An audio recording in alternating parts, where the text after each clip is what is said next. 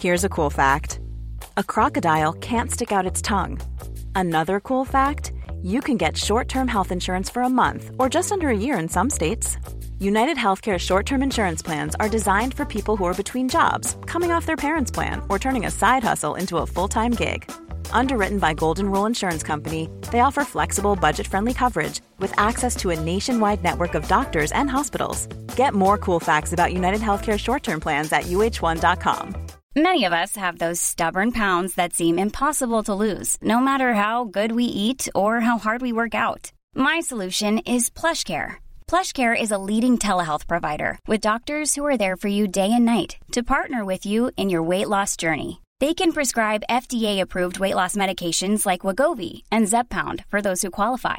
Plus, they accept most insurance plans. To get started, visit plushcare.com slash weight loss. That's plushcare.com slash weight loss. A lot can happen in three years, like a chatbot may be your new best friend. But what won't change? Needing health insurance. United Healthcare Tri Term Medical Plans, underwritten by Golden Rule Insurance Company, offer flexible, budget friendly coverage that lasts nearly three years in some states. Learn more at uh1.com. Jeg føler nesten alle jeg snakker med nå for tiden, er stresset. Det er veldig sjelden jeg møter noen som er i total balanse med masse ekstra energi å gi å gi, da.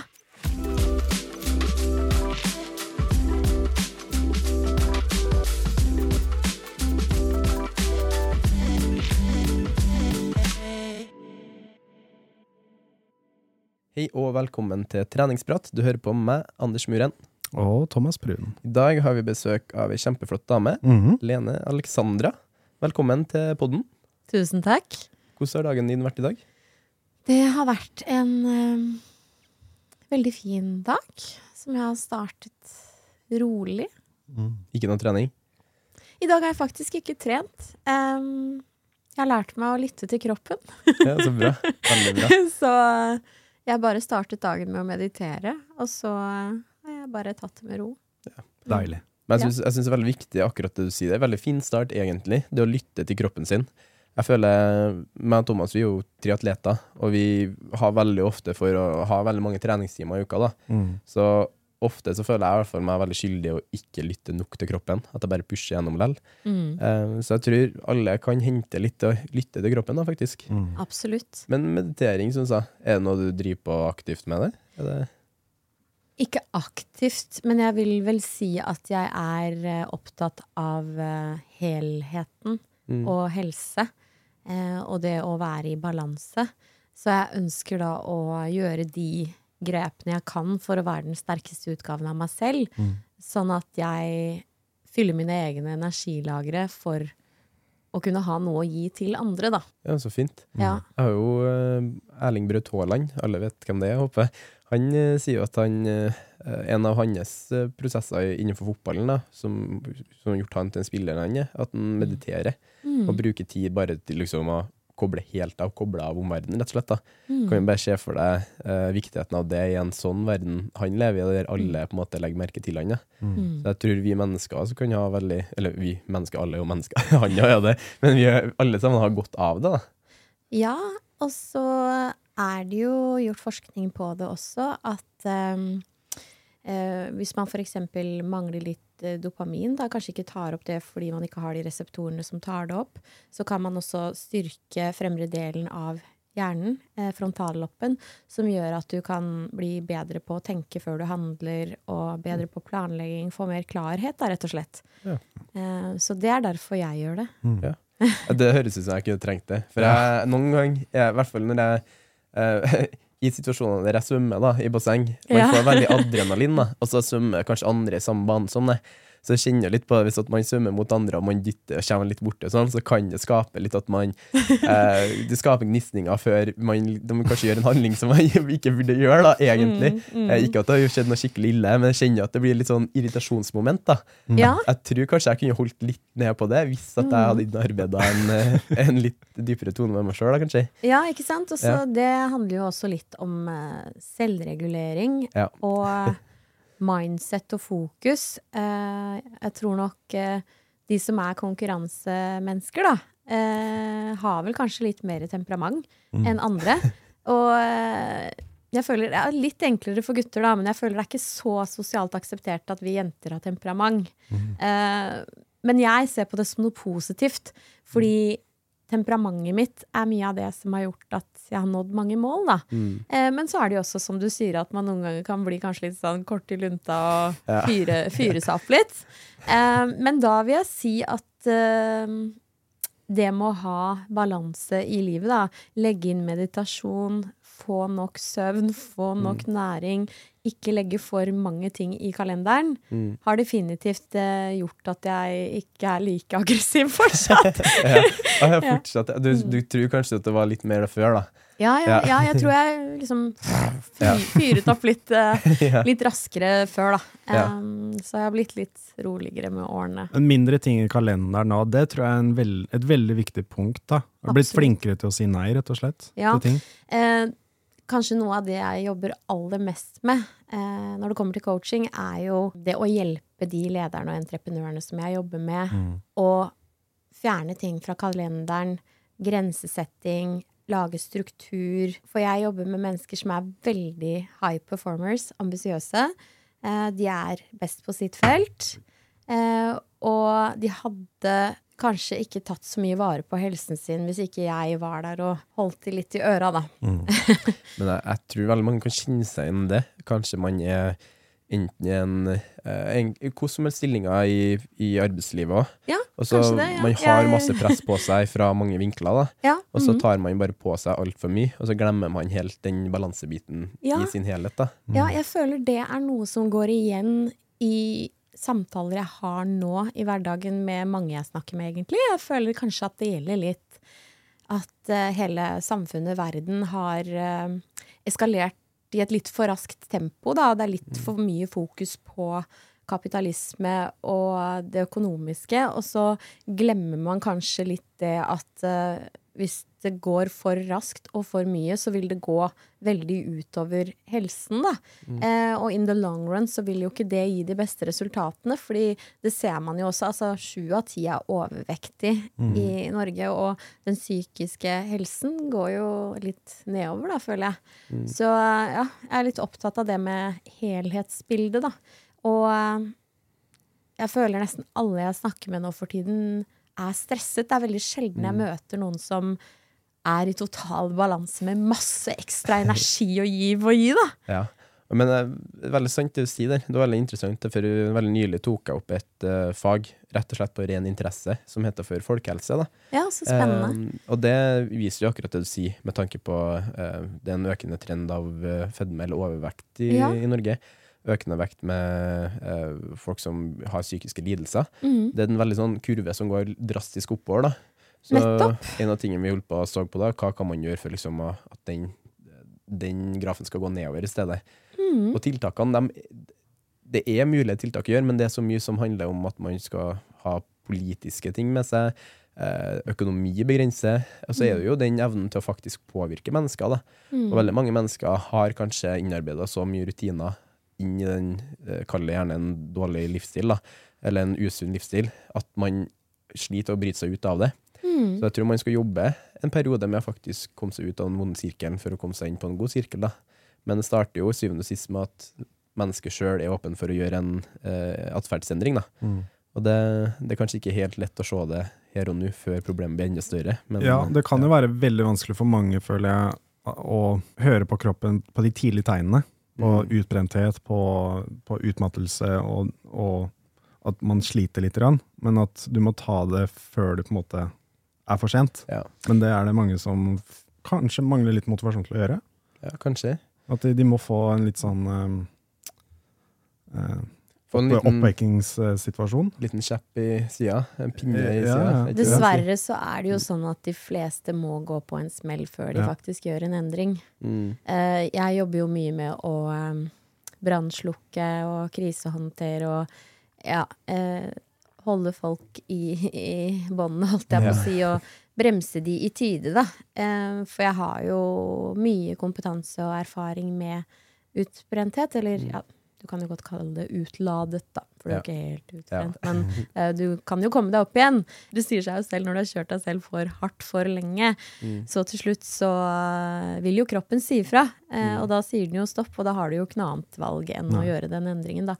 Men selvfølgelig, hvis man kan jobbe med å forebygge og eh, informere og ja, spre det glade budskap, så kanskje færre personer kan eh, gå på en smell og unngå alle de psykiske problemene, da. Mm. Hva, hva, er, de- hva er de tidlige tegnene, da? Liksom, hvis man har noen, en venn da, som man er kanskje litt bekymret for, og Mm. måtte sånn, ser de tidlige tegnene for utbrenthet eller utladning, da? Mm.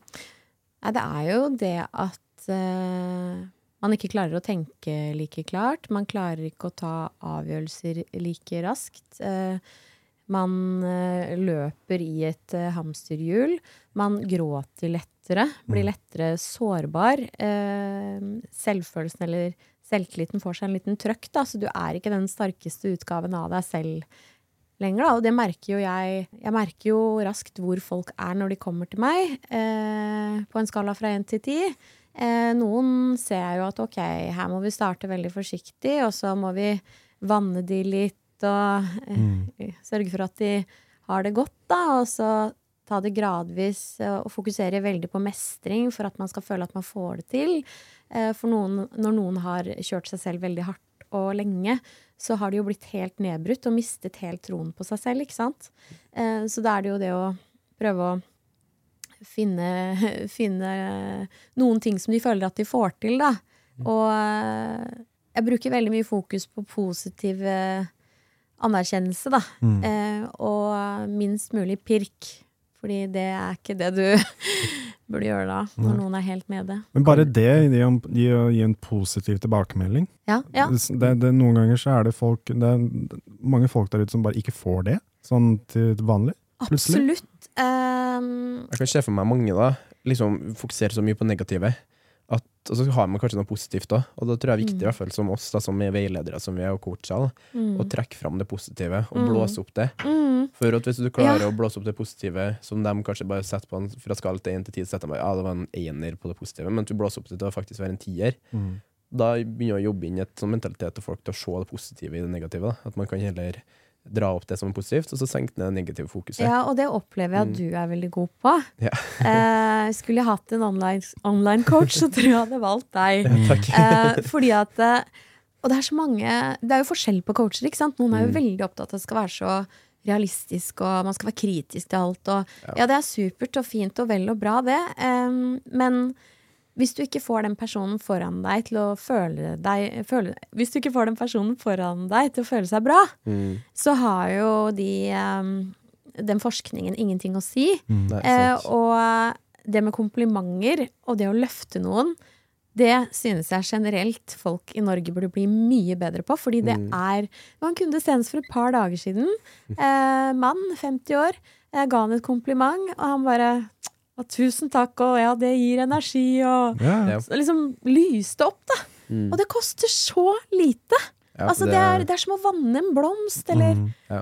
I love it. ja. Og så er enig med at uh, jeg tror begge vi to har kanskje litt eh, eh, livserfaring fra at, uh, som du sa, at folk kanskje er litt dårlige på det. I hvert fall i min tidligere livsstil, da, så Ja. fikk jeg, jeg fikk aldri noe, ingen som sa noe sånn positivt til meg, på grunn av at kanskje i det stadiet jeg var i livet, at jeg kanskje heller ikke kunne vise meg ut å være den personen jeg er, da, med sjøltillit.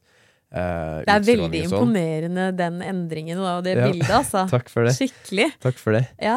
Men jeg føler jo samme liksom litt på din reise, da. For den overgangen fra sånn som det kanskje var tidligere, der det var litt uh, medieoppslag om mye andre ting, kontra sånn det er nå. Nå er du en veldig positivt innstilt person mot trening.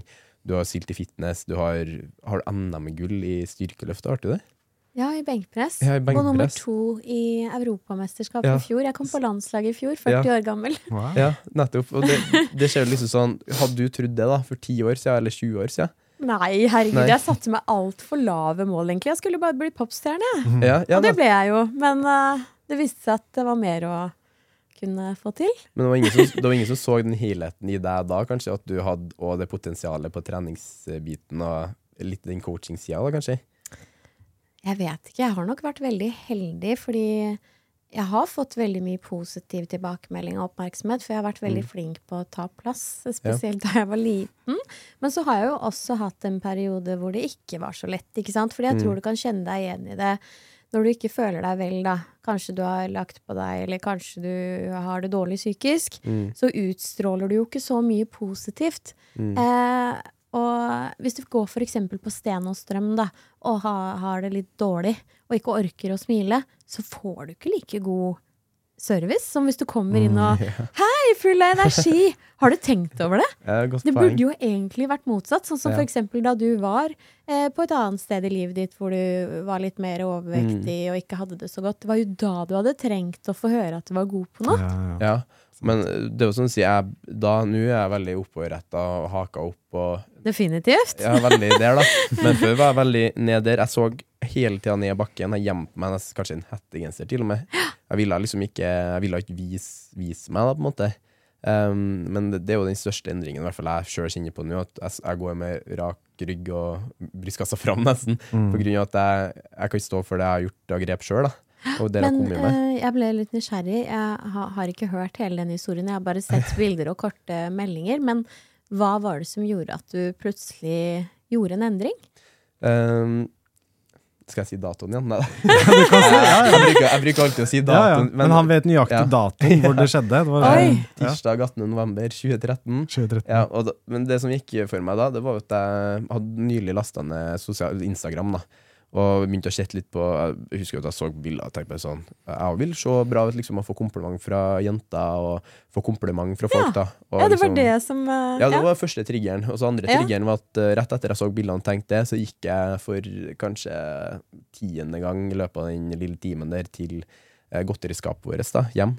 Og henta Ja. meg enda en kjeks og sjokolade liksom, og satt Mm. med det og gomla det. Og så Ja. gikk det opp en lysbryter. Sånn, det gir jo ikke mening at jeg tenker at jeg vil det, men så gjør jeg det som eh, du, du, du vil A, men du gjør Å. ja, du litt helt- ambivalent. Ja, du gjør helt, uh, helt feil ting i forhold til det du egentlig vil. da Ja. og da begynte jeg jo aktivt å tenke over Ok, hvordan skal jeg bevege meg fra Å til Æ til og så Mm. Plutselig er jeg hele veien til det, det å se, da. Helt til jeg til A, da. ja, for du manglet litt disiplin. Ja, veldig mye. Ja. Veldig mye. Hva var det som gjorde at du endret det mønsteret, da? Det mønsteret ble jo egentlig mest endra pga. at jeg, jeg var så sykt misfornøyd da, med akkurat den holdninga jeg hadde i hverdagen. Eh, Men var det noe spesielt som skjedde som gjorde at du Nei, nå skal jeg ikke ha det godteriet i skapet og gå ja, det, det var egentlig ikke noe sånn ordentlig spesielt som hendte, annet enn at det bare gikk opp en lysbryter for meg at jeg var sykt misfornøyd med den, hvordan jeg var i hverdagen. da. mm. Uh, og så syns jeg det var veldig kjipt å se at eh, jeg ikke fikk den oppmerksomheten fra jenter som man, i hvert fall når man i alderen der begynner å tenke litt mer over. da. Mm. Og husk at det var en litt sånn uh, motivator for meg. Og For at jeg skulle klare det. Da Ja. Da tenkte jeg at jeg skal, jeg skal vise folk feil. Da. Jeg skal vise folk hva potensialet mitt er, og hvem jeg faktisk kan være. Og det tenkte jeg kunne skje gjennom en livsstilsendring. da. Veldig spennende at du sier akkurat det der, at den oppmerksomheten fra det motsatte kjønn faktisk var en driver, da. Eh, det ser jo jeg også ofte med både menn og kvinner som jeg jobber med, at det har noe å si. Mm. og det føler jeg jo egentlig er eh, litt eh, upolitisk korrekt eh, å si i Det, Norge. jo det. Er Man skal det. ikke være opptatt av å se bra ut, men eh, sannheten er jo at de fleste som kommer til meg, eh, ønsker å se bra ut. Mm. Eh, hva de får, er jo det, men pluss så mye mer, da. Mm, det vet de jo ikke om på forhånd, men det er først og fremst derfor de kommer eh, mange ganger. Mm. Eh, og som du sier, det der at man eh, føler man har mista det litt. Da. Nå jobber jeg mye med folk fra 40 til 60-årsalderen. Mm. Kanskje har jobbet altfor mye. Eh, og da er det litt den lutryggen eh, som du snakket om, å se Ja. litt ned. Og så må jeg Hei! Litt opp med brystet, opp med Ja. kassa. Litt sånn Arnold nå. Ja, Ikke sant? Og, og jeg har en kunde nå som siden august i fjor bare liksom har blomstra opp Ja. og smiler med hele ansiktet og ja, til og med begynt å skryte av seg selv. Jeg syns Ja, det er så kult. Det Ja. er noe av det jeg virkelig digger da, med det jeg gjør. ja, det tror Se på. mennesker vokse og skinne, da. Mm. Da føler jeg sånn Å, det gir livet mening. Mm. Ja. Men det er jo den som du sier, det, det å føle seg bra med seg selv, ja. og det å se bra ut, går veldig ofte hånd i hånd. Ja, Men du finner jo ut av etter hvert at det handler mer om å føle seg bra med seg selv. ja. Mye mer. Og det mm. mentale finner du også ut av. at Det, det hjelper på selvtilliten, det hjelper på liksom, selvsikkerheten. Det hjelper på alt. Mm, absolutt. Og det er veldig spennende akkurat det der, da, fordi det er jo en prosess. Og Mm. ja, noen kan være fast bestemt på 'jeg skal ha sixpack', 'jeg skal ha sixpack'. Ja da, men det skal vi fikse. Eh, Men så må du på en måte ta med alle de andre elementene også, da, fordi du får jo ikke den sixpacken hvis ikke du får nok søvn eller får i deg nok næring, eh, gjør den treningen du skal. Altså du må sette alt i system, da. Mm. Eh, skape den strukturen. Og så må man forstå at det tar tid, fordi easy come, easy go. Altså Mm. veldig ekstremdiett, det vet jo dere òg. At eh, raskt ned, da kan det gå raskt opp igjen også. Så da er det bedre å faktisk bruke litt lengre tid. For vi skal jo tross alt ha de kroppene våre i ganske mange år. Altså vi har igjen liksom nesten 30 år av arbeidslivet, og man vil jo gjerne at kroppen skal fungere. Ja, gjerne det. Ja. Altså, vi, begge vi har jo vært gjennom en fitnesskonkurranse. Ja, Eh, ja. Jeg stilte i 2019, og stilte du i 2020? Nei, eh, 2016 og 2017. 2016 og 2017. 2016-17 var det? Mm, Er det så lenge siden? Ja. For at det, man kan jo kjenne seg at man har vært litt på den ekstreme sida av noe som Definitivt. Og det er jo gøy, det òg. ja, det, det er gøy å kjenne liksom hvor grensene går. Og Vi forstår prestasjon Ja, og det ekstreme. det er jo gøy i etterkant, da. Ja. Altså, kanskje ikke like gøy da, men det å kjenne litt på hvordan man responderer. Du syns det var gøyest i etterkant? Ja, egentlig. De fleste jeg- syns jo det er dritt i etterkant, for da bare legger man raskt på seg, og så bare føler man seg som en pudding. Men jeg, jeg, tror, jeg, jeg tror kanskje jeg syns det er gøy nå, på grunn av at jeg fant en veldig sånn Jeg fant jo eh, hobbyen min, triatlon, rett og slett ganske nylig Ja, etterpå. ja. Og finne egentlig en måte der jeg kan eh, eh, Jeg trener mye og gjør det like med veldig mye overskudd og energi, Ja. samtidig som jeg spiser veldig godt. da Ja, det er deilig. Eh, men i den fitness-greia så kjente jeg i hvert fall på at jeg skjønner at folk syns at det kan være veldig tungt å være i et underskudd og kjenne på det, og kjenne på sult og sånn. I Ja. hvert fall når vi har vært på den ekstreme sida. Mm. Men så kan man jo tenke at um, man får jo veldig mye gode av det i forhold til Jeg i hvert fall kjenner meg igjen på dedikasjonen min og disiplinen min i forhold til valget jeg tok. da Mm. Det har jeg tatt med meg. Uh, jeg vet ikke hva du sitter igjen etter en sånn en fitness uh... Hvem som helst kan jo ikke komme seg opp på den scenen og stille i fitness. mm, Du er jo nødt til å være målrettet og disiplinert. mm, Eh, Så det sier jo noe om en person, om man har gjennomført det. Da hadde jo jeg en periode hvor jeg hadde et team hvor det var 30 damer da, som gikk gjennom Bikiniakademiet, som jeg hadde i, i sin tid. Yeah. Og det var jo langt ifra alle som kom seg på scenen. Ikke sant? mm, Uh, og sånn sett, uh, i sånne settinger så tror jeg det er en fordel at man har hatt litt motgang i livet. Mm. Du er vant til å kjenne litt på smerten, da. mm, Fordi uh, når det kommer til prestasjon og det ekstreme, så er du nødt til å fortsette selv om eh, det er litt smertefullt på veien, da. mm, Eh, du må utenfor komfortsonen for å komme deg videre. mm. Og det er veldig fint å henge sånne erfaringer på en knagg og ta med seg til videre når man, man kommer til å møte på utfordringer senere i livet en gang òg. Ja. Jeg husker når jeg var i Forsvaret, så tenkte jeg når jeg hadde typ marsja i mange timer, og man bare følte at det var helt, uh, helt forferdelig. Så jeg husker at jeg, Da tok jeg og hengte inn knaggen når jeg gjorde det. Ja. Og så inn både fitness og triatlon nå, så har jeg tatt med meg den knaggen men jeg klarte det. Mm. Da klarer jeg i hvert fall å stå igjen med det her. Jeg er helt Så da blir jo enda en knagg, da. Mm. Så jeg husker jo um, For eksempel, jeg var jo i Lofoten i 2021, tror jeg det var. I en sånn ekstremtriatlon der. Og det var uvær, uh, vindkast opp i 20-25 meter i sekundet, og bare helt fryktelig iskaldt hele pakka der. Og det eneste jeg tenkte på, dere blir enda en knagg, men jeg må fullføre. Mm. Og jeg må stå i det, da. Mm. Så jeg tror det var liksom henge sånne eh, Hva skal jeg si, sånn tunge øyeblikk på knagger og ta med seg videre. Det tror jeg er viktig.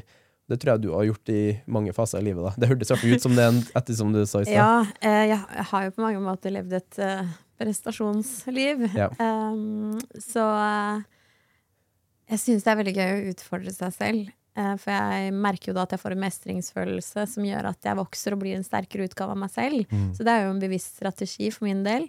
Eh, Nå har jeg jo gjort veldig mye forskjellig, da.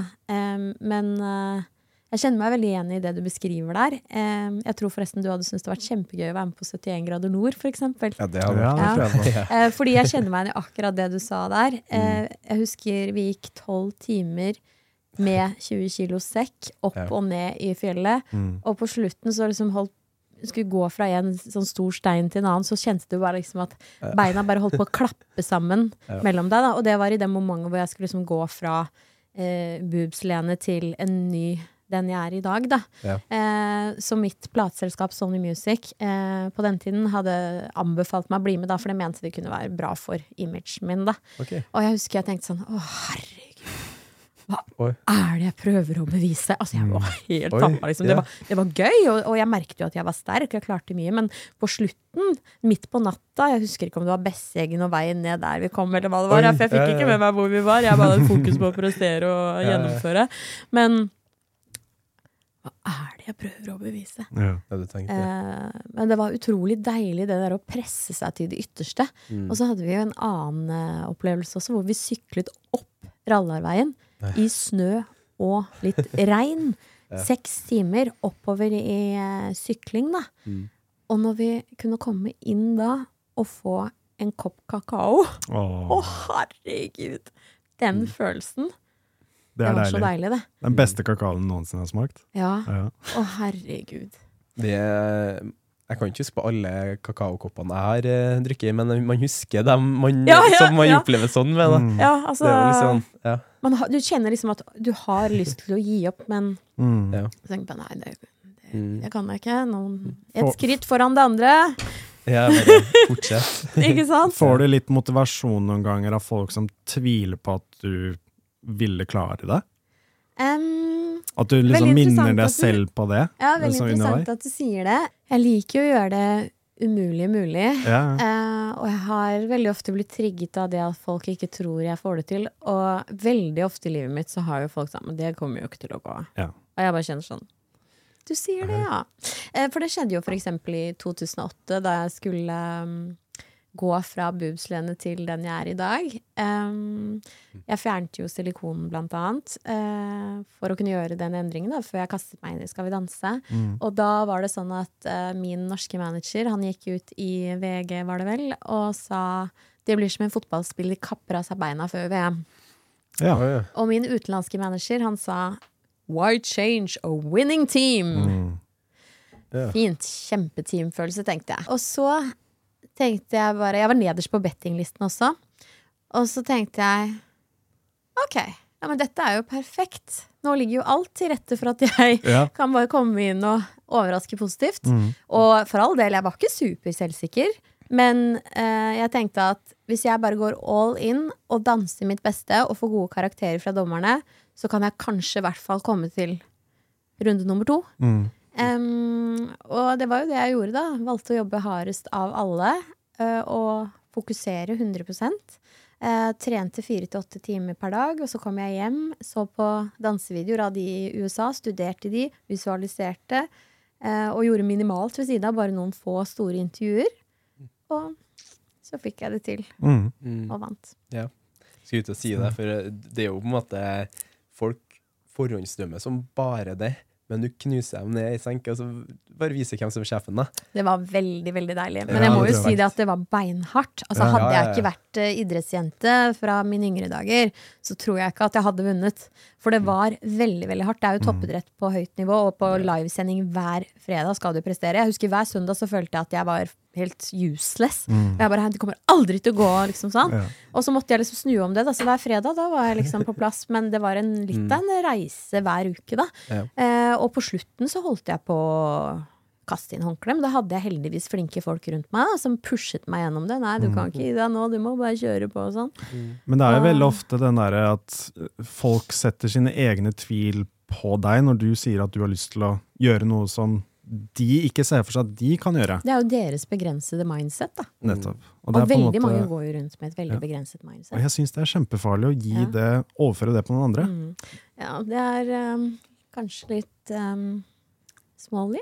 Mm. Det er jo det. Ja. Men jeg har jo opplevd det sjøl, da. At folk, ja, eh, du har det. folk har ikke sagt det direkte til meg, men du får høre det, da. Ja. Eh, for man, sånn, man har jo venner som kanskje er felles venner med dem, Og folk har veldig, vært veldig flinke da, ifra det her, fra å liksom rakte ned på at jeg skulle gjøre endringer. da. Mm. Eh, når at jeg begynte å uh, ta meg matpakke, f.eks. på Mm. VGS, med knekkebrød og vanlig pålegg. Og, Mm. og folk begynte å liksom prate om det. da. Hvorfor skal ikke du være med i, i kantina og, kjøpe det du Det bruker er jo sjalusi. Ja, altså, liksom, Ja. Men jeg kjente liksom meg, i hvert fall, jeg mata veldig på det. Og tenkte at ja, men du tenker det. Da tenker jeg at ja, men da fortsetter jeg å gjøre det. for Blir at det nesten mer med. motivert til å gjøre det. Ja, Ja. Ja. det. Mm. Og har jo blitt en ny nyere tid, og egentlig mot alt jeg har gjort. da Du, Eh, Både innenfor, eh, spesielt innenfor triatlon. For Mm. at I starten der var veldig mange som ble litt sånn um, Du kan ikke liksom gå fra å holde på med styrketrening og uh, holde på med det, til å skal begynne med triatlon som en så utholdenhetsidrett. Jeg kommer jo fra ingen ut, utholdenhetsbakgrunn egentlig i hele tatt. Så um, jeg føler at jeg mater på for at jeg skal bli det beste jeg kan bli. da. ja, selvfølgelig. Og da har jeg lyst til å stå der og Jeg, jeg trenger ikke å si til folk at dere tok feil, men det vises at folk Mm. tar feil. Og det gjorde det òg når du sto på toppen og tok imot et trofé på Skal du danse. Du trengte ikke å si at folk tok feil, derfor du viser det så sykt godt. Mm. Enten i form av ja, største er jo en livesending på TV2, og da viser det det, liksom. Det er sånn in your face. Ja, Så det, ja, det er kult. Mm. Jeg kjenner liksom eh, hjertet mitt banke for folk som ikke trenger å sette andre på plass, men bare vise at de er en vinner, da, sånn som deg. ikke sant? Fordi uh, man gjør det jo ikke for alle andre, man gjør det jo for seg selv. Mm. Ja. Um, men så er det jo ekstra kult da, hvis noen ikke tror at det er mulig, og du kan bevise at det faktisk er mulig. Ja. Det er kjempegøy. klart. Ja. Ja, det føles veldig godt. Uh, men det er veldig spennende akkurat det vi snakker om nå. fordi det er jo ikke til å stikke under en stol at det er litt jantelov eh, her i landet. Det er jo veldig få som unner andre å lykkes. Eh, jeg har nok alltid vært litt mer sånn amerikansk, så jeg blir inspirert, sånn som jeg ser de bildene av deg, da. Det før- og etterbildet, og hvordan du bare thriver og er helt uh, i dytten, så kjenner jeg at jeg blir inspirert og får energi av det, da. Mm. Men det er noe i forhold til eh, intern og ekstern locus of control, heter det vel. Ja. Eh, og det handler litt om eh, hvor mye motivert vi er innenfra eller utenifra. Eh, så for eksempel, veldig mange har nok en lav intern locus of control. At man ser noen som ser bra ut, og så ja, ser ikke så bra ut, da. Mm. Eh, mens hvis du har den tryggheten i deg selv, da, eh, så er det mer sånn Oi, sånn vil jeg også bli. Ja, ja. Ikke sant? Og det er litt sånn jeg egentlig eh, har motivert meg selv. Da jeg har sett noen som er et sted jeg vil være, eller som er bedre enn meg på noe, så har jeg tenkt sånn wow, hvordan kan jeg modellere den personen Mm. og eh, få til det samme? Mm. Ikke sant? Så eh, jeg tenker at det er bedre å la seg inspirere. Og hvis man ikke gjør det, og eh, prøver å trykke de andre ned, så sier jo det litt om at man ikke har det så bra. Og da burde man kanskje heller jobbe med sin egen selvfølelse og komme seg litt eh, opp, da. Mm. Det var jo den, det var jo en sånn diskusjon rundt kroppspress i fjor sommer, når det kom en sånn retusjeringslov. Jeg vet ikke om Ja. du fikk med deg den. Og da var jo det sånn at bildet skal markeres hvis det fremhever kroppspress. Men da kommer vi frem at men det er jo veldig individuelt om du føler kroppspress, om du er en negativ eh, følelse på når du ser bildet, eller en positiv følelse. Ja. Og det kommer veldig an på personen, som du sier, da, om de ser opp til den personen, eller om de føler seg liksom, litt negativt påvirket. Mm. Så hvem er det på en måte som Det er veldig vanskelig å bestemme det sånn rett ut, føler jeg. Men det kommer veldig an på ditt mindset, som du sier. Mm, absolutt. Jeg synes eh, den diskusjonen der kan bli litt vanskelig, fordi Ja. Jeg er jo veldig opptatt av frihet uh, og respekt for ulikheter. Og jeg synes det er veldig kjedelig at de som gir de lille ekstra og trener hardt hver dag for å føle seg vel og se bra ut, uh, skal uh, være den store, stygge ulven, da. Mm. Når det egentlig burde være sånn at andre kan la seg inspirere. Da er det jo, som vi snakket om i stad, faktisk sånn at syv av ti er overvektig. Eh, så det hadde jo kanskje vært bedre å inspireres av de som faktisk trener og står på, istedenfor å prøve å trykke de ned, da. Mm. Eh, og jeg syns også det er litt viktig at folk forstår at eh, man må jobbe for det, og at eh, det ikke kommer av seg selv. Fordi jeg føler veldig ofte at aviser skriver det som de fleste vil kjøpe. To knebøy i hagen, så blir du dritfit. Mm. Eh, og så tør de ikke å skrive 'hardt arbeid i tolv uker, så blir du fit'. Men det du sier der, er et sykt godt poeng. For Ja. jeg hadde en eh, i 2021 var en nyttårssak med, som Dagbladet kjørte. Ja. Og de eh, eh, fikk jo til sånn Fin artikkel. De fikk fram mye, veldig mye bra helsemessig sånn. Men ja. det første som trumferer, er jo liksom at eh, så lett kan det gjøres. Og liksom, det, så klart fokuset retta mot bli kvitt magefettet, da. Ja, er ja, det, liksom, det selger Det jo. selger jo. Og den Mm. artikkelen der, de, de sper på de, Snart to år nå har de jo delt den hver tredje fjerde, hver fjerde måned. da Ja, så bra, da. så den, ja, det, det, er jo, det er jo god PR for meg, på en måte. Ja, ja. Men samtidig så føler jeg liksom Det pusher mot den artikkelen der liksom fremme Ja, så klart, det er positivt å bli kvitt magefett, men det er så mye andre ting også som er positivt. da Ja. At man burde kanskje ordlegge det litt annerledes. Mm. Men det som inspirerer meg, eller ikke inspirerer, men det inspirerer meg litt, da. For at Ja. det som er i kommentarfeltet da på Facebook, det er jo det mest sånn, Det er så fascinerende. Du leser det, du! Ja, jeg, jeg, første gangen gjorde jeg det, Ja. men i etterkant så er det litt mer mamma og pappa som leser det. da Ja. Og det- De filtrerer for det. Ja, de uh, videresender da, blir sånn. Ja. For de blir jo veldig irritert, da. For at det første folk skriver, er jo at han der Folk har jo anklaga meg for å være på steroider. Ja, det har jeg Være- også fått høre Mm. da jeg skulle stille det. Det var i sånn. fitness. Første man får høre. Da, Må jo bare ta det som en endring. kompliment. Ja, til slutt må man gjøre det. Men det var én person husker jeg som skrev eh, Du kan se på, liksom, på niplene hans eller sånn at han At det ikke er samme person? ja, var det det altså, ja, altså se på kjevene mine at Ja, ja. jeg har eh, tatt noen operasjoner og sånn. Og jeg husker at jeg, jeg tok meg ganske nært av den kommentaren, Ja. så jeg var så nærme å faktisk svare på det. Men jeg gjorde ikke det. da. Nei. Men så var det noen andre i min vennekrets som svarte på den, for de visste om den personen, og skrev en direkte melding. Ja. Og den personen ble jo så flau, Mm. på grunn av at å nei, er det noen som faktisk leste det? Men det var så mange sånne meldinger på Ja. det kommentarfeltet, da, hvor folk skriver så mye dritt, da. Og jeg, jeg kjenner jo at jeg tenker ja, ja, vet du hva, folk må bare få lov. Jeg har Ja, gått ut sjøl og ville være med på artikkelen her, Ja. og det fri, du skal få snakke fritt. Ja. Men det å angripe såpass, det det ble jeg så overraska over. da.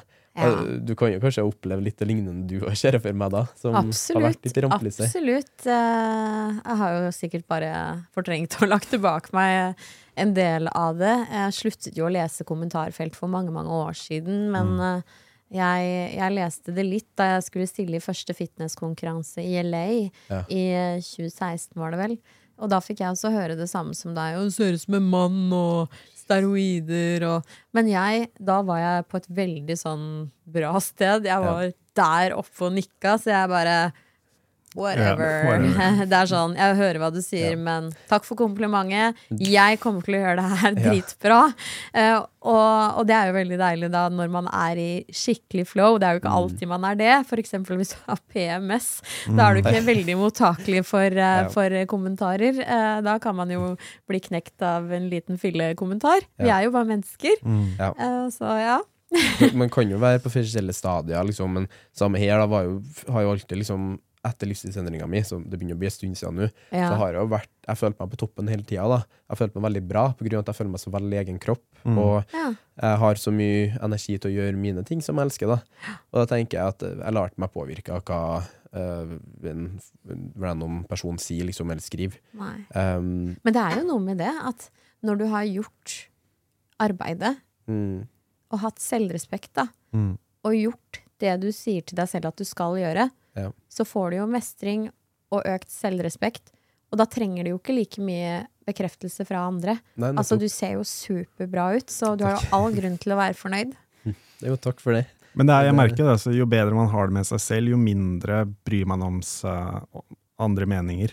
Egentlig po både positivt og negativt. Du tar liksom, du, kanskje noen nevner et eller annet, og så bare går du videre med livet ditt. Ja. Så tenker du ikke over det lenger. Så Ja. bare sånn, ja, men jeg er opptatt med mitt, og har det bra. Ja. Det var litt artig, for at, eh, før var jeg, jo en heftig gamer før. Sånn, Sier du altså, det? I mitt tidligere liv, da. Det Ja. jeg, liker, jeg liker å si Anders versjon 1 var en sånn heftig gamer. Ja. Eh, Anders versjon 2 er jo han du ser nå. Mm. Men han i versjon 1 var jo veldig sånn eh, eh, I det gamingmiljøet så kan man man kan jo få slengt mye dritt imot seg Mm. via at folk har sånn chattefunksjoner sånn over når du gamer. da. Ja. Og mange folk som sa mye dritt da, og jeg tok Ja. meg så nært av det hele tida. Så Mm. jeg tror ikke jeg har tatt meg så nært av det nå kontra da. Men det kan jo så klart ha med litt alder sånn å si òg. Men jeg tror det handler mer om og at jeg er så mye mer sjølsikker i meg sjøl og vet liksom hvem jeg er og hva jeg kan stå for. da. Mm. At jeg jeg trenger ikke å la meg påvirke av hva andre sier, da. Rett og slett. I hvert fall ikke folk som ikke kjenner deg. Ja. det er det jeg syns er så rart, at folk skal ha en mening om deg, men de veit absolutt ingenting om deg. De ser på Mm. ett bilde eller leser Mm. en overskrift eller leser et eller annet om deg på et eller annet sted, og så bare plutselig så har de opprettet en, sin mening om hvem du er. Jeg Men det spørs det jo veldig hvordan man har det selv, da. Jeg er ingen maskin, jeg er, selv om jeg har trodd det noen ganger. Men jeg er et menneske, og, og jeg er høysensitiv og følsom. eh, Så jeg har måttet jobbe med det hele livet. Altså, eh, jeg har vært sensitiv for kritikk, da. Og du kan jo tenke deg, med nesten 20 år i, i media Man har jo fått litt kritikk opp igjennom. Eh, Så jeg har måttet jobbe med det å klare å skille feedbacken jeg får, da. Altså skal jeg ta det til meg eller ikke? Eh, og hvem man omgås også har jo veldig mye å si, da. Mm. Eh, for hvis du har mennesker du er glad i som du føler deg trygg på rundt deg, så er det jo mer de du lytter til, da, enn en eller annen raring eh, i en eller annen liten by som ikke har det bra med seg selv og bare er sjalu, som skriver stygge ting. Så eh, jeg er menneskelig, og har jeg PMS, så kan jeg ta meg nær av ting.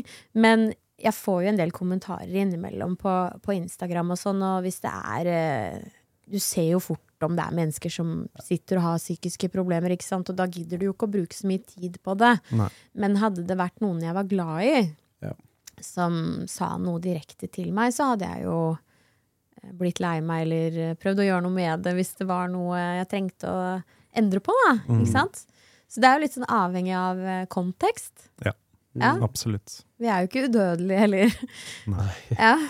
Ja, det er sant. Det er veldig sant. Men jeg føler jo at du Vi snakka jo kort om det i stad, med både norgesmestertittelen din i benkpress, og at du går ut i Europa og gjør det såpass bra. Liksom. At det, det må jo være en indre fuel derifra å liksom vise at, uh, hvem du faktisk er og står for. Da. Før så var jeg nok veldig opptatt av eh, responsen. Ja. Eh, for jeg hadde et indre tomrom inni meg som jeg trengte å fylle. Og det hjalp meg faktisk opp og fram også, fordi jeg ble mer og mer selvsikker. og det dreiv meg framover, og jeg fikk til ting. Mm. Eh, men så var det et tidspunkt at jeg begynte å skulle øve på å ikke trenge den responsen. At jeg Mm. skulle prestere uavhengig av den. Og, og det er jo litt Kanskje derfor også jeg har valgt ak akkurat styrkeløft. Fordi Ja. det er veldig lite publikum, og veldig snever liten sport. Eh, og så var jeg jo litt spent. Kommer jeg til å kunne prestere uten all den oppmerksomheten? Eh, så det har vært en sånn å trene hodet mitt, da, rett og slett. Eh, og det å gjøre det for meg. Mm. Eh, ikke gjøre det for oppmerksomheten. Da kunne jeg jo fortsatt ha vært med på alt av reality shows, ikke sant? Ja. Eh, så jeg valgte rett og slett å trekke meg litt tilbake og jobbe med meg selv da istedenfor. Og det har vært veldig nyttig, syns jeg. Eh, og det der å rett og slett øve på det med prestasjon og det der med disiplin, hva er det som er viktig? Eh, noe med det å walk the talk, ikke bare snakke om det som coach, men vite hva du snakker om, da. Fordi at du har så mye erfaring med forskjellige konkurranser og mål du skal nå. Eh, og ja, uansett hvor mye du har prestert, så vil du jo alltid tvile iblant. Altså, jeg har jo flere venner som er europamestere og, og verdensmestere og ja, presterer på toppnivå, da. Eh, men ved å bli kjent med de menneskene også, så har jeg nok eh, hva skal jeg si, eh, blitt litt mer avslappet rundt det også. Det er ikke noe big deal, det kommer flere muligheter. Ja, du presterer og gjør ditt beste, så du drar du på deg en skade. Det kan skje alle, fordi prestasjon, det er jo et tveegget sverd, ikke sant? Når du går for toppene, så må du regne med at du noen ganger kan gå på en smell og få en liten downer også. Ja. Så eh, veldig, veldig spennende dette med prestasjon. Hva er det som gjør at du presterer ditt beste? Og det er jo så sammensatt. Det handler jo ikke bare om treningen eller kostholdsplanen. Det handler om de valg du tar hver eneste dag. Eh, for eksempel viktigheten å ha gode samtaler med gode venner rundt seg. Ha et team rundt seg. Da. Dette med kjemi, som vi snakket om før vi startet podkasten i dag. Eh, jeg er jo høysensitiv og merker energier veldig godt. da. Eh, så hvis det er negativ energi, så kan det gå utover min prestasjon. Så jeg er nødt til å være veldig selektiv med hvilke mennesker jeg har rundt meg. Da. Og hva de sier, f.eks. For i forhold til dette med feedback. Da. Eh, at de har en sånn positiv vibe og 'dette får du til'. Ikke sånn peke på alt som er feil. Det er sånn Jeg kommer til å klare å løfte det her, liksom. Selv om du sier at eh, litt mer sånn da, da, da. Altså, kan du bare holde kjeft? Jeg skal bare løfte den greia her, liksom. Det er ikke komplisert. Skjønner du? Bra, Altså Noen ganger så syns jeg at folk overdriver så veldig. da Ja. Bruker sånn lange avhandlinger på å forklare. Bare sånn Let's Ja. get to it. Mm. Sagt. Det handler jo bare om å gjøre det. Ja. Og så er det sånn at gjør du noe mange nok ganger, så vil du jo bli best. Mm. Sant? Skyter du mange nok ganger, så scorer du til slutt. Mm. Det er sånn, å, skulle du bomme? Ja, da lærte du noe av det òg, da. Mm. Ja, jeg er helt enig. Ja. Så reflekter litt over eh, hvorfor man bomma. Tenk litt over sånn, hva, Mm. Ja. hva kunne jeg gjort bedre, liksom. Og som regel, da, hvis vi har tatt et feil løft, eller bomma på triatlon, Ja. så vet vi utmerket godt selv hva vi har gjort feil. Nettopp. Trenger ikke Eh, å få Nei, trenger ikke å få beskjed om det. Og så er det jo noe med det at hvis man skal få feedback, da, så synes jeg i hvert fall at jeg skal få lov til å velge selv hvem jeg får den feedbacken fra. For det handler jo litt om å stille seg kritisk til informasjonen man blir gitt. Mm. Hvem er det du har eh, tillit til? For det er jo det det handler om. Jeg må jo velge selv hvem jeg faktisk stoler på. Absolutt. Det var sånn Jeg coacher jo Thomas Ja. inn mot sine mål, Mm. og jeg er jo superstreng med det. det var, men det var litt sånn vi danner jo et vennskap ifra at jeg starta med å coache han. Mm. Og eh, Så fint. jeg tror ikke du Ja, ville vært vennen min hvis at jeg har eh, vært veldig negativ pirkende og liksom pirke på alt og liksom justere på alt og sånn. Nei, det hadde vært veldig veldig slitsomt i lengden. Ja. Fordi vi har holdt på en ganske god stund, eh, og det har alltid vært veldig positivt. Mm. Um, jeg tror det viktigste var på en måte det at du, du klarer å vise at jeg klarer mer enn jeg trodde jeg klarte selv. Mm. Absolutt. Jeg tenker at det vil nok være en del som hører på den podkasten her som blir litt provosert når jeg sier det jeg sier nå. Men du behøver ikke alltid å si alt du tenker. eh, og ja, det er fint at du skal være ærlig, Ja. men ærlighet er ikke alltid det som gjør at den du coacher, presterer sitt beste. Mm. Noen ganger er det bedre å holde kjeft. eh, og så, selvfølgelig, opp med ryggen, ut med rumpa. Det er eh, greie beskjeder å gi, men uh, med en positiv tone. Mm. Ja. Eh, det har i hvert fall jeg best erfaring med, da. Ja, enig. Altså, det er jo veldig mange på sosiale medier som Jeg syns i hvert fall det er mye, mye sånn litt dårlig trend nå, at de eh, i for eksempel i en styrkeøvelse, da, så begynner de å gå ned på sånn Du må ha vinkelen her på å kjøre skrå benkpress. Du må, Mm. Hvis du ikke har vinkelen her, da er det ikke vits at du gjør den øvelsen her. Tenk på folk, Folk- flest da, som trenger å komme i gang. Det er Ja, nok av folk som ikke engang tør å gå inn på gymmet fordi de er redd for at noen skal se de gjør feil. Nettopp. Altså, eh, Veldig interessant at du tar opp det du tar opp der, fordi jeg skal ikke si noe navn, eh, men da jeg skulle gå fra eh, artist og boobs-Lene til å begynne med personlig trening, bygge meg en ny karriere eh, og gjøre en endring i livet mitt, så var det flere i min bransje som kritiserte meg på sosiale medier, og i tillegg hang meg ut i media. Fordi at jeg sa feil ting, hvilket jeg ikke gjorde engang. Det syns jeg er veldig dårlig oppførsel. Da. Trykke andre ned for å fremheve seg selv. Da tenker jeg at det er mer positivt at man faktisk får kunder fordi at man gjør en god figur og gjør en god jobb. Mm. Motivator, da. Man motiverer med sin egen livshistorie. Og kanskje kan eh, Jeg tror veldig mange har nytte av å høre på en person som har vært gjennom Kanskje ikke akkurat det samme sjøl, men faktisk man kan sammenligne seg litt med. da. Jeg tenker det at det er en coach for alle. Ja. Noen liker vel sikkert noen som er veldig kritiske og pirker på alt du gjør. eh, jeg har ikke behov for eh, en sånn coach eh, i hverdagen. Én ting er hvis du skal spesifikt lære deg olympiske løft og ber om eh, kritikk på akkurat det. Mm. Men sånn everyday training, så vil du gjerne ha litt positiv energi. Mm. Ja, det er jo så klart rom for begge deler, Ja. men jeg tror man må være veldig flink på å Det er en ut. balanse. Ja, det er en Ja. Det er sånn, vi har jo hatt noen svømmeøkter der jeg har terpa litt på eh, liksom hvordan du kan ha svømmetak og sånn. Ja. Mm. Men det er derfor at jeg oppriktig da mener at det her kommer til å gjøre deg bedre i lengda på Ja. den svømminga. Og nå i morges rocka du inn en sykt god svømmeøkt på veldig god tid.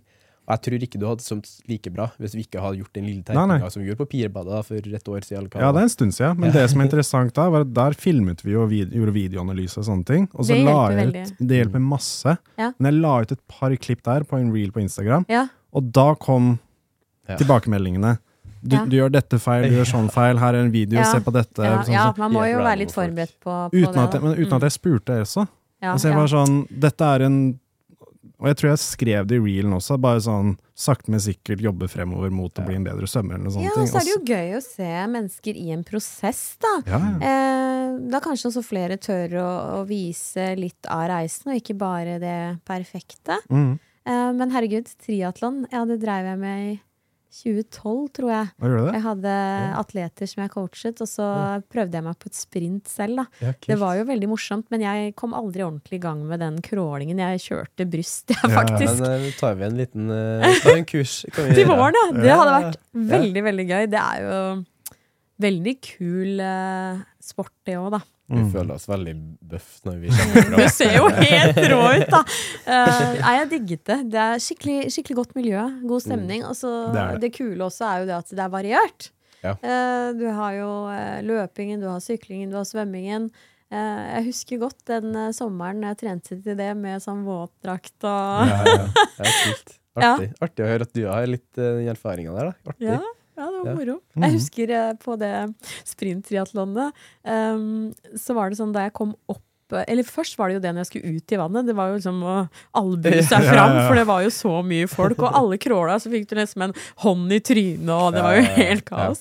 Og så når du kommer eh, opp fra vannet og skulle sykle, da hadde jeg jo krampe i leggene. Mm. Ja, Ja. for jeg hadde ikke øvd nok på den endringen der, da. Mm. Overgangen, ja.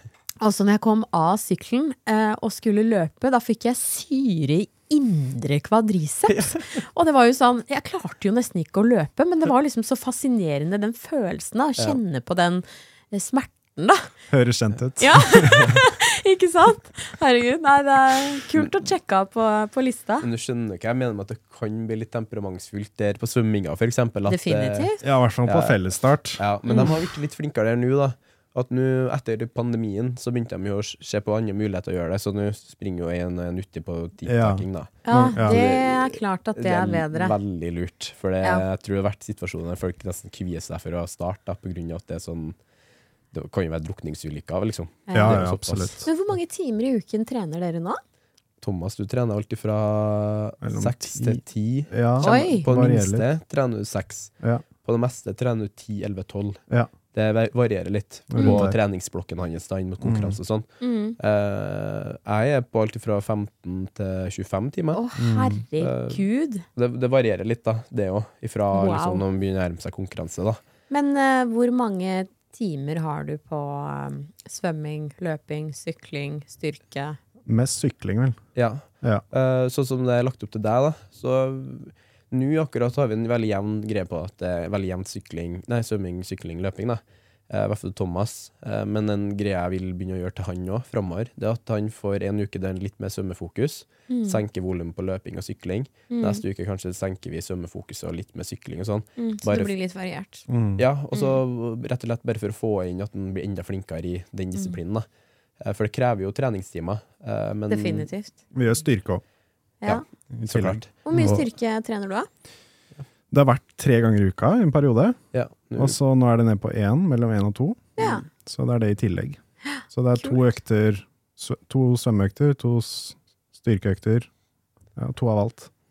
Når var det dere startet å jobbe sammen? det var vel i uh, Starten av 21, vet ikke ja, 21.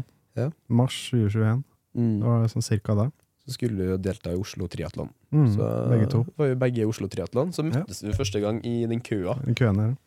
Ja. Og det var, jeg syntes det var kjempekjekt. da Og da følte jeg allerede fikk jo møtt familien hans ved målganga. Ja, foreldrene mine sto der. Tanten min hadde lagd sånn eh, Nei, plakat. så koselig. Ja, det var kjempehyggelig. Det har mye å si. Ja, ja, Altså det at noen heier. um, det at du ikke er alene. ja. Um, det er noe jeg har tenkt mye over ikke de tull. senere årene.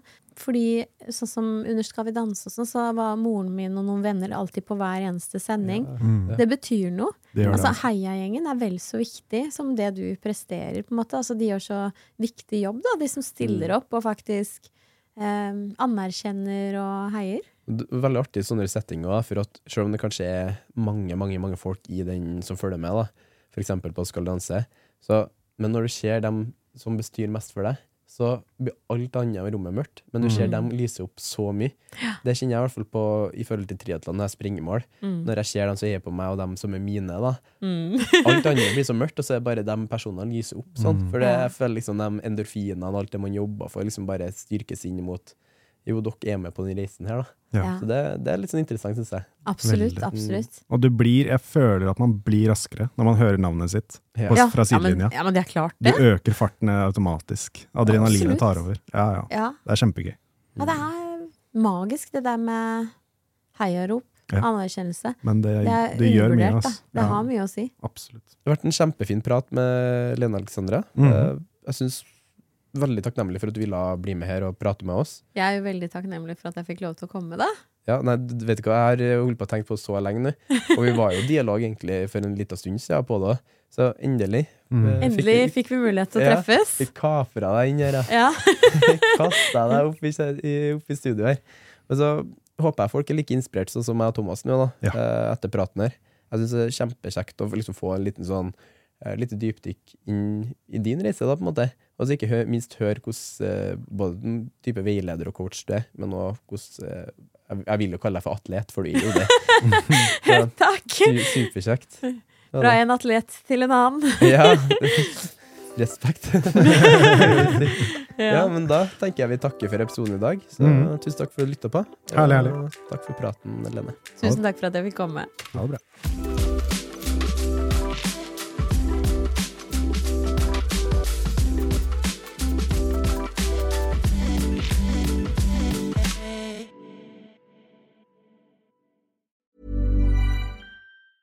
Hi, I'm Daniel, founder of Pretty Litter. Did you know cats tend to hide symptoms of sickness and pain? I learned this the hard way after losing my cat, Gingy. So I created Pretty Litter, a health monitoring litter that helps detect early signs of illness by changing colors, saving you money and potentially your cat's life. Pretty Litter is veterinarian developed, and it's the easiest way to keep tabs on your fur baby's health right at home. Go to prettylitter.com and use code ACAST for 20% off your first order and a free cat toy. Terms and conditions apply. See site for details. Hold up. What was that? Boring. No flavor. That was as bad as those leftovers you ate all week. Kiki Palmer here, and it's time to say hello to something fresh and guilt-free. Hello Fresh. Jazz up dinner with pecan-crusted chicken or garlic butter shrimp scampi. Now that's music to my mouth. Hello Fresh. Let's get this dinner party started. Discover all the delicious possibilities at hellofresh.com. Even when we're on a budget, we still deserve nice things. Quince is a place to scoop up stunning high-end goods for 50 to 80% less than similar brands. They have buttery soft cashmere sweaters starting at $50, luxurious Italian leather bags, and so much more. Plus, Quince only works with factories that use safe, ethical, and responsible manufacturing. Get the high-end goods you'll love without the high price tag with Quince. Go to quince.com slash style for free shipping and 365-day returns.